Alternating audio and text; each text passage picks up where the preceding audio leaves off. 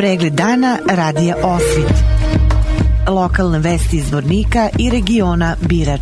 Pratite pregled dana za 5. jul 2023. godine.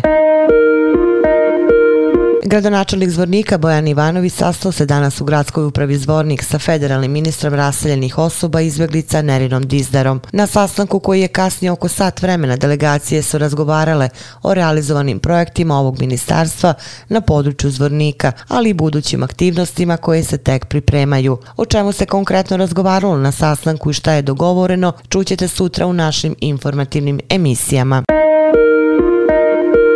U četvrtak 6. jula sa početkom u 10 časova u velikoj sali gradske uprave bit će održana 20. redovna sednica Skupštine grada Zvornika. Na Skupštini je predviđeno 13 tačaka dnevnog reda, a između ostalih bit će razmatrani predlog odluke o naknadi troškova postupka po izletom prekršajnom nalogu, kao i razmatranje informacija o upravljanju javnim parkiralištima na području grada Zvornika.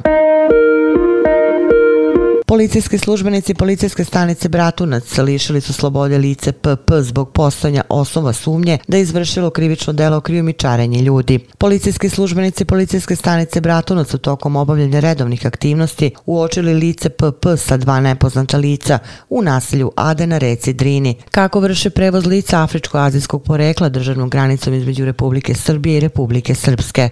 Prilikom lišenja slobode lice PP i policijski službenici su zadobili lake telesne povrede konstatovane od strane dežurnih doktora u Domu zdravlja Bratunac i Zvorničkoj bolnici, stoji u saopštenju policijske uprave Zvornik.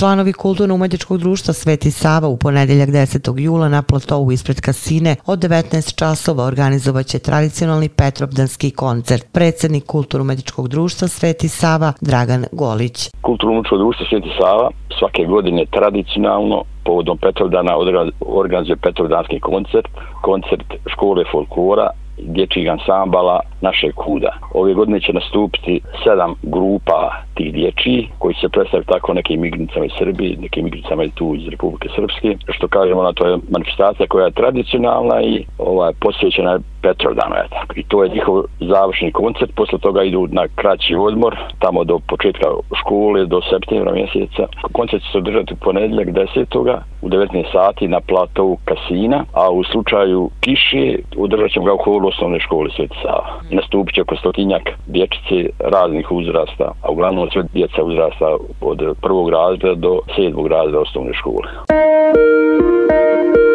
Zvornik će na veliku rado svih navijača Crvene zvezde u ponedeljak 10. jula posjetiti Crveno-Beli karavan.